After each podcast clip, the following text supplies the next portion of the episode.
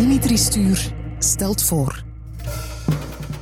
De podcastreeks China's New Normal met Pascal Koppes. Het gaat razendsnel. Wat gebeurt daar allemaal in China?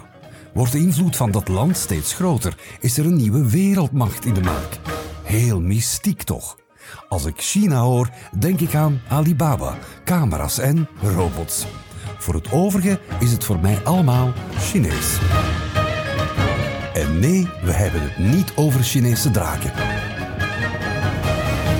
China's New Normal. De e-commerce groeit exponentieel in China, extreem gedreven door een betere klantenservice. 1,1 miljard dagelijkse online gebruikers op social media. 50 tot 90 procent van de online verkoop verloopt via de smartphone. Een gigantisch unfair advantage op het Westen. Wordt China het epicentrum van e-commerce? Hey, dag Pascal. Dag Dimitri. Smart retail, dat is het onderwerp van deze aflevering. Even algemeen gesteld, Chinese verkopers zijn bijzonder vindingrijk blijkbaar en nog meer razendsnel in levering vooral. Een e-commerce die ook heel gepersonaliseerd is. Klant is daar echt wel koning in China. Is dat zo? Dat klopt helemaal. Uh, het is eigenlijk zo dat in China de klant gewoon koning is omwille van het feit dat er zoveel consumenten zijn, zoveel klanten. En dus als je niet als bedrijf of als merk bereid bent om te gaan personaliseren en eigenlijk heel klantgericht te denken, dan loopt die consument gewoon direct naar de concurrent, want die heeft zeker hetzelfde aan te bieden, misschien zelf beter. En dus je moet voortdurend gaan zoeken en innovatief en, en creatief zijn om te kijken hoe kan ik die consument benaderen en, en eigenlijk uh, bij mij betrekken en een trouwheid krijgen. Als we eens even terugblikken naar de jaren 90, toen jij in China werkte en woonde, toen was het al duidelijk voor jou dat elke Chinees bijzonder druk bezig was met geld verdienen. Ja, Chinezen zijn uh, verzot op geld, uh, laat ons zo zeggen. Ze hebben zelf een, een god van geld. En dat is onlangs is het Chinees nieuwjaar geweest. En uh, een paar dagen daarna gaan ze gaan bidden aan de tempels om meer geld te verdienen dat jaar. En dat is net gepasseerd een paar dagen terug. Dus ja, Chinezen zijn echt wild van geld verdienen, omdat dat voor hun ook een, een soort zekerheid is dat ze een, een leven eigenlijk kunnen verbeteren. Daar staan ze, zijn ze echt op gebrand, ja, klopt. Maar in de jaren negentig, want nu stel je het zo voor, hè, de Chinees en zijn, uh, zijn drang naar geld verdienen. Winkelen was in de jaren negentig ja, behoorlijk archaïs en inefficiënt als je het vergelijkt met vandaag. Ja, in de jaren 80 was uh, winkelen eigenlijk nog allemaal staatsbedrijven. En dus in de jaren 90 was dat nog altijd grotendeels zo. Uh, je kan het bijna vergelijken met het beeld die wij hebben van Rusland of uh, Sovjet-Unie destijds, waar je echt uh, winkels hebt waar staatsbedrijven eigenlijk elk zijn eigen standje heeft en zijn eigen producten verkoopt. En ja, als er iets niet is, is het er niet. En het, het is niet kwestie van naar een andere winkel te gaan. het was heel gefragmenteerd.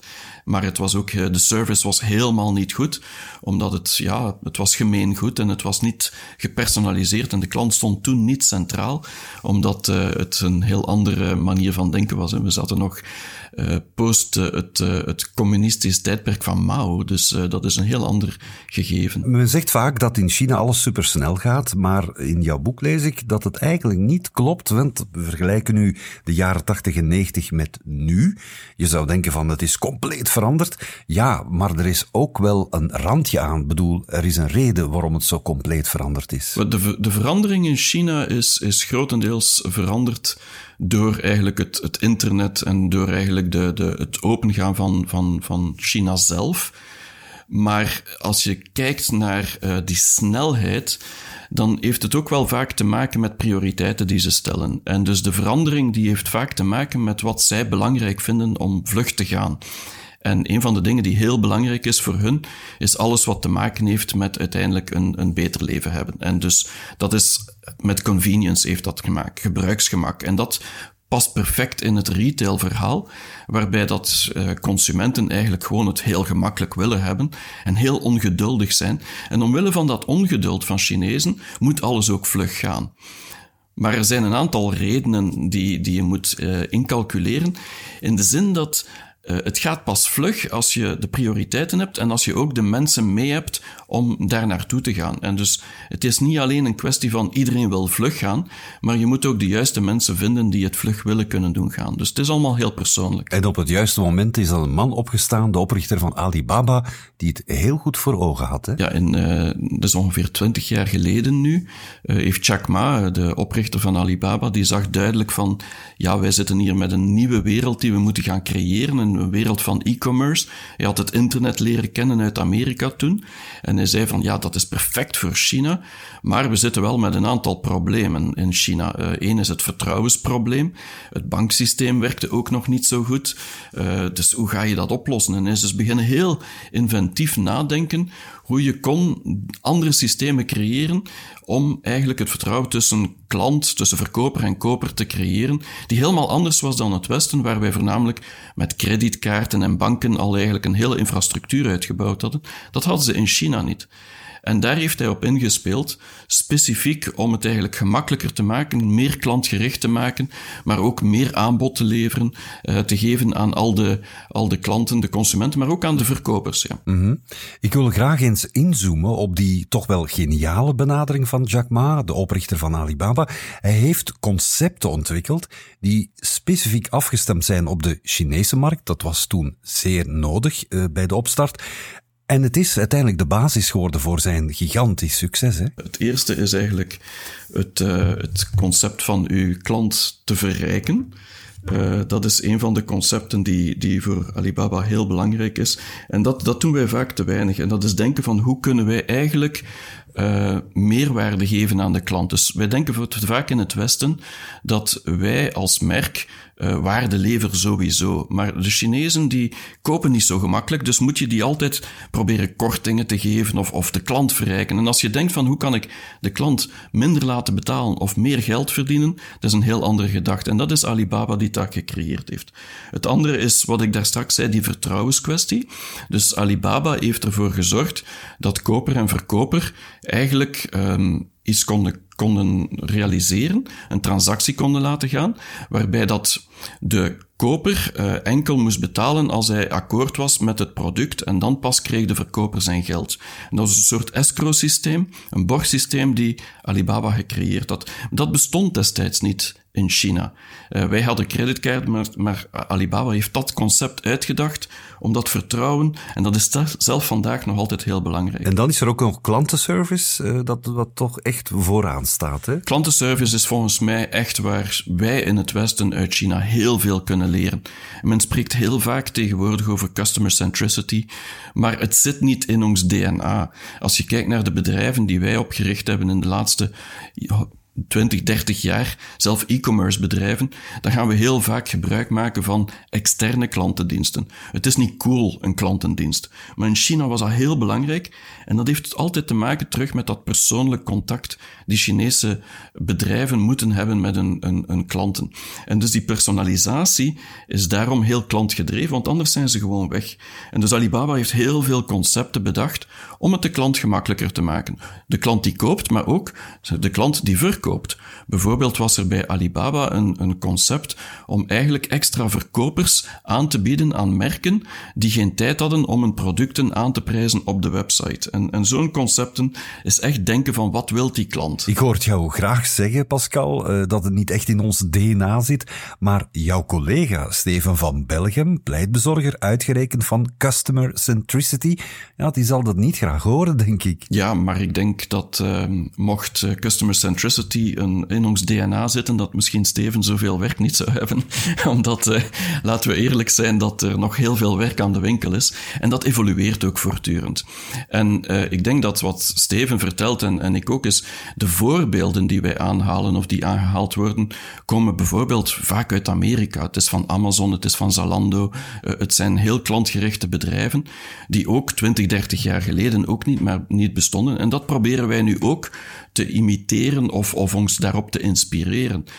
Uh, China heeft hetzelfde. Dus we kunnen naar beide kijken om ons te inspireren. Maar ik durf wel beweren nog steeds dat het in vele bedrijven een DNA nog niet zit. Maar volgens jou, Pascal, gaan de Alibaba en Tencent ecosystemen de retailstrijd met een Amazon, je liet het net vallen, winnen. En met andere woorden, de grote Amazon is misschien toch niet meer zo groot in de toekomst. Daar ben ik uh, vrij zeker van dat ze het gaan winnen. De vraag is of ze het wereldwijd gaan winnen, is nog een, een andere vraag. Ik denk dat het zeker in Azië gaan ze het winnen. En waarschijnlijk ook in, in al, het, al de rest van de wereld buiten het Westen, en misschien zelfs in Europa, omdat het grote verschil tussen een Alibaba, een Tencent en een Amazon, is dat dat zijn ecosystemen waar eigenlijk je een, een, niet één bedrijf, maar honderden bedrijven hebt die daaraan gelinkt zijn en die allemaal samen naar die markt gegaan zijn, Plus dat de concurrentiestrijd in China tussen Alibaba, Tencent en andere e-commerce bedrijven zoals JD of Pinduoduo of, of Xiaohongshu, dat zijn allemaal Chinese namen, maar dat zijn allemaal bedrijven die enorm concurrentieel tegenover elkaar staan en die voortdurend elkaar uitdagen. Amazon heeft eigenlijk geen uitdager meer. En dat is volgens mij de zwakte van Amazon. Wat e-commerce nog meer een boost geeft, eh, Pascal, is, we hebben het al in vorige afleveringen daarover gehad, eh, dat zijn big data en artificiële intelligentie. Ja. Dat, dat is eh, dus centraal. Dat is eigenlijk het, het, het goud of de olie die nodig is om eigenlijk die hele industrie te hebben, hebben laten creëren. En die nu echt de, de energie geeft voor die e-commerce om, om naar voren te gaan. Ja, die data is, is cruciaal en wordt ook heel erg gebruikt in China. Kun je eens het, uh, kun je eens het, het profiel omschrijven van, van de hedendaagse Chinese consument? Hoe kun je hem of, of haar overtuigen te kopen?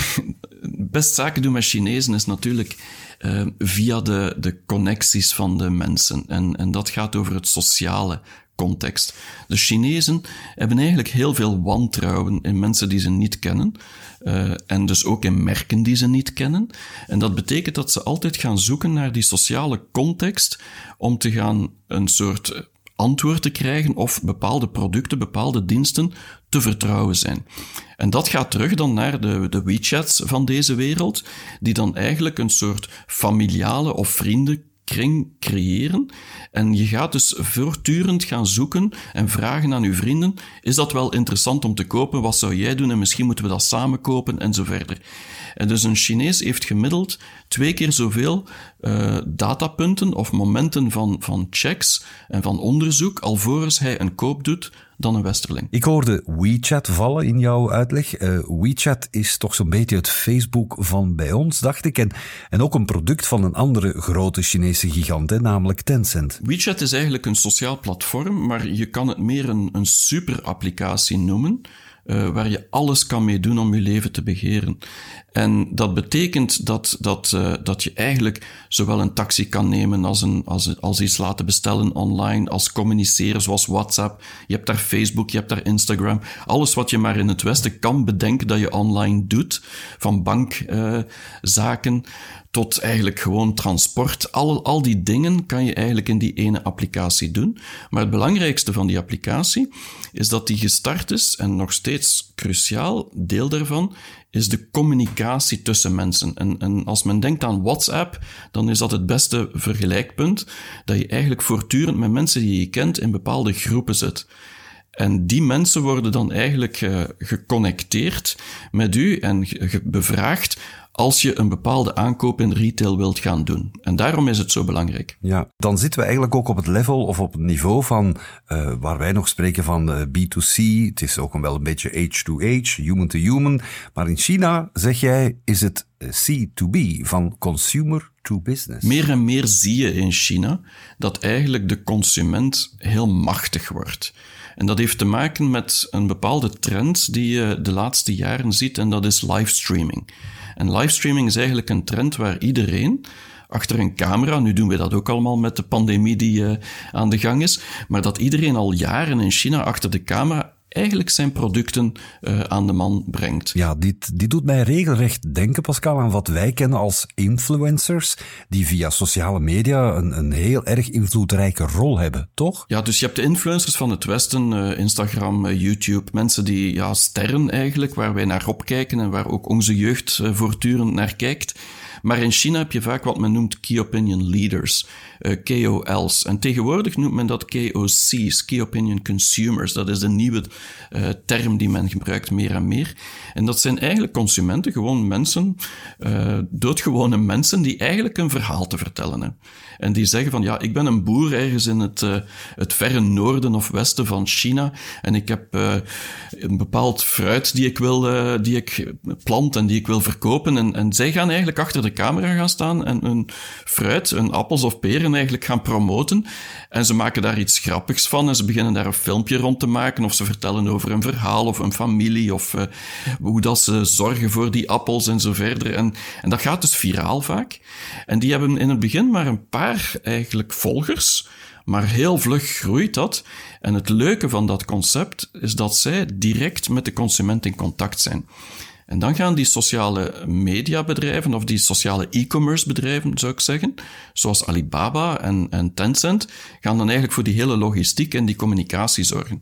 Met als gevolg dat elke consumer eigenlijk een soort acteur wordt, maar ook een soort producent wordt in China. En zo krijg je het hele businessmodel dat op zijn kop gezet wordt. Ja, en dat is blijkbaar ook echt wel big business voor die key opinion leaders of Chinese influencers. Dat is enorme big business voor die influencers, want die, die mensen die eigenlijk die dingen verkopen, kunnen ook uh, gebruik maken van hun kracht of hun beïnvloeding van, van mensen om andere producten aan te bieden. En zij worden eigenlijk een soort magneet binnen de marketing of binnen de consumptie uh, die gebeurt tussen merken en, uh, en consumenten. En dus merken moeten tegenwoordig in China, maar dat ga je wereldwijd ook meer en meer zien, enorm werken met die key opinion leaders, met die influencers.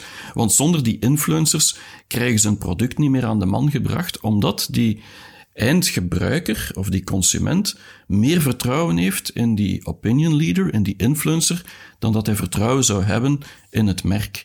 En dat is een heel interessant gegeven, dat de persoon eigenlijk de, de, het, het vertaalwerk doet van het merk en niet meer het marketingbedrijf. Die, die grote intensiteit van beïnvloeding op sociale media of social e-commerce evolueert ook naar ja, toch wel een, een, een iets wat beangstigende evolutie. Wat ik in jouw boek lees onder de term OMO, online, merch, offline. Het onderscheid tussen online en offline vervaagt alsmaar meer. Parallele werelden, simultaan naast elkaar. Het loopt in elkaar, het is seamless, zoals men zegt in, uh, in het Engels. Dat betekent dat eh, de online en offline ervaring niet meer uh, zo verschillend is. Als je in een winkel gaat gaan shoppen, uh, dan is alles gedigitaliseerd in China. En, en die winkel is, is alsof dat je in een, in een virtuele omgeving stapt. Uh, je hebt daar bijvoorbeeld Burberry, die daar een winkel van heeft in, in, in het zuiden van China, waar je volledig interactie kunt hebben met alle mogelijke digitale concepten. Een beetje alsof dat je je gsm in de winkel gebruikt, maar nu wordt de, de winkel, biedt dat volledig aan. Dus het is een volledig eigenlijk uh, online wereld die je in de reële wereld vindt. En dan in de online wereld, wat, wat je ook maar bestelt, wat je ook maar doet, dus uh, op e-commerce, kan je eh, de leveringen zo vlug krijgen dat, dat je eigenlijk niet meer het gevoel hebt dat je in een online wereld zit. Je bestelt een koffie bij Starbucks en twintig minuten later staat die warme koffie bij u op kantoor. Heerlijk, heerlijk. Jij bent weggegaan uit China. Hoe, hoe durf je? ja, kijk. Of was de koffie niet zo goed of ben je geen koffiedrinker misschien? Dat ik, kan ook. Ik heb een koffiemachine thuis. Maar, maar um, even, ja, je zei het daarnet al, hè, dat dat, dat uh, offline gebeuren, dan zitten we in de winkels. Dat is eigenlijk dat is alles een beetje aan bod gekomen in de vorige aflevering. Winkels zijn in China bijna een pretpark geworden. En het kopen, ja, dat gebeurt eigenlijk daar niet. Dat gebeurt dan online, zoals je net zegt. Alles gebeurt meer en meer online. Um, wat die retail betreft, die sociale e-commerce, um, ja, dat blijft niet stilstaan natuurlijk. Intussen zou je je boek al een beetje moeten aanpassen, want uh, er is uh, nog wat anders te melden. Ja, het is de laatste jaren enorm geëvolueerd, die social e-commerce. En één bedrijf dat je daar zeker moet bij onthouden, is een bedrijf dat noemt Pindodo. Pindodo, of PDD in het uh, afgekort is een bedrijf waar mensen eigenlijk uh, online gaan, zoals bij, bij, bij Amazon, maar in groep kopen. En het is een, een, op een gamifying manier eigenlijk kopen. En het is dus de combinatie wat men noemt tussen Disney en Costco, dus lage prijzen en entertainment. En wat Pinduoduo zo uniek maakt, is dat je dus eigenlijk via je WeChat-groepen, dus de mensen, de familie, de vrienden die je kent, ga je eigenlijk uh, samen gaan kopen. Of u, je moet uw, uw, uw moeder of uw, uw kinderen of uw broer gaan overtuigen om samen iets te kopen. Bijvoorbeeld dat fruit van die boer daar aan de andere kant van China. Gaat dat samen gaan kopen en dan kan je eigenlijk kortingen krijgen.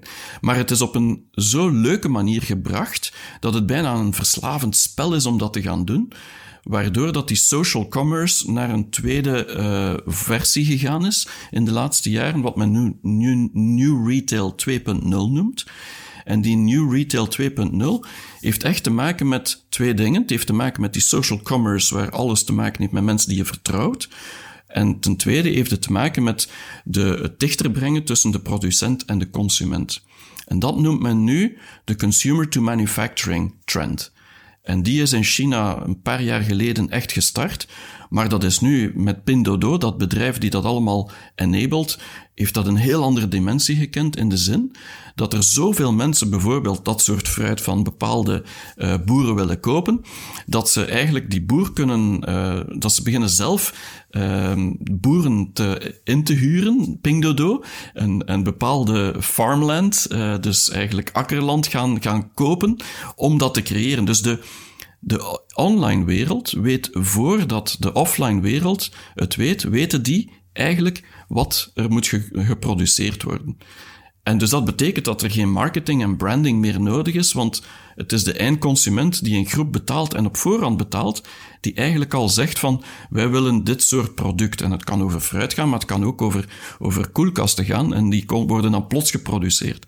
En de fabrikant wordt dus heel intelligent door de informatie en de data die e-commerce platformen hun geven. En dan komt er nog iets anders bij dat al een hele tijd aan de gang is en alsmaar verder wordt uitgebouwd. Dan zitten we terug bij Alibaba, bij uh, de oprichter. Ja, alles draait daardoor data aangedreven om echt in te spelen op de gedachten en wensen van elke Chinese klant.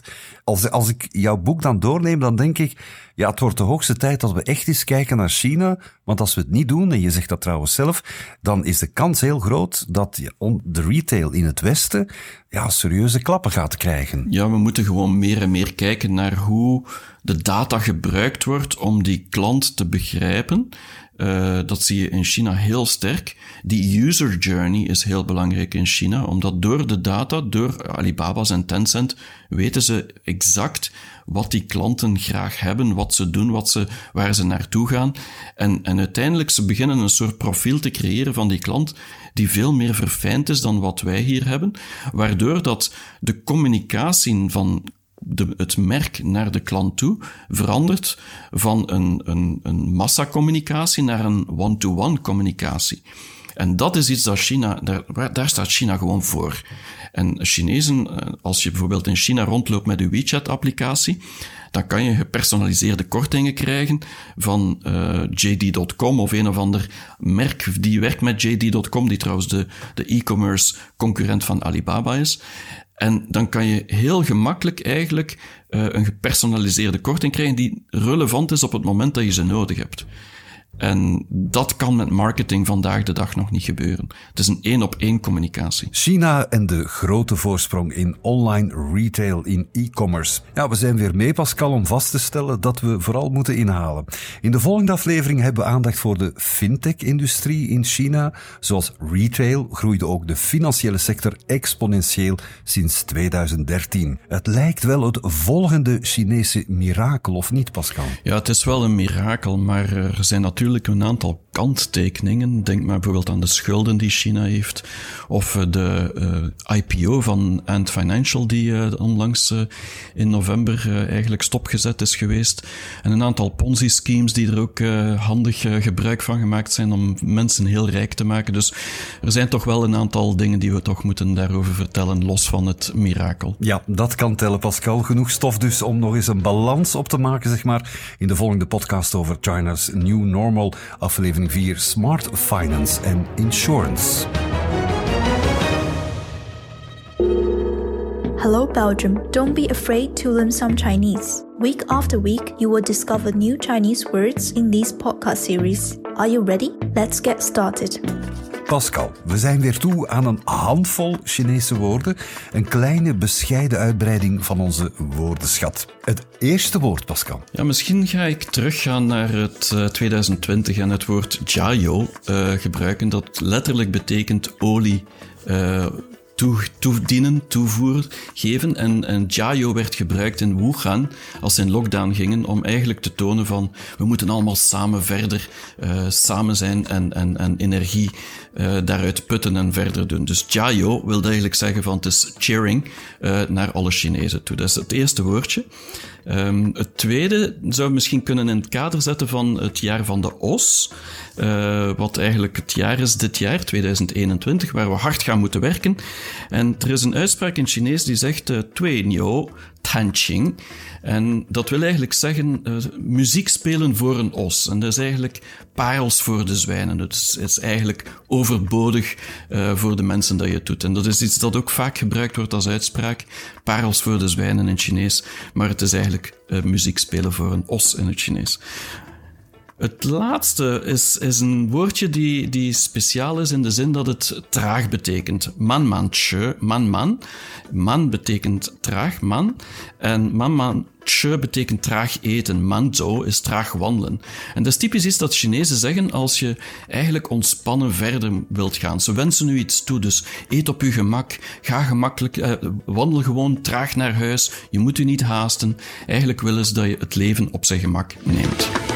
Dankjewel, Pascal. We zetten die woorden nog eens graag op rijtje. Enfin, dat doet Ningzin. 加油，加油！对牛弹琴，对牛弹琴。慢，慢慢吃，慢慢吃。慢走，慢走。 China's New Normal.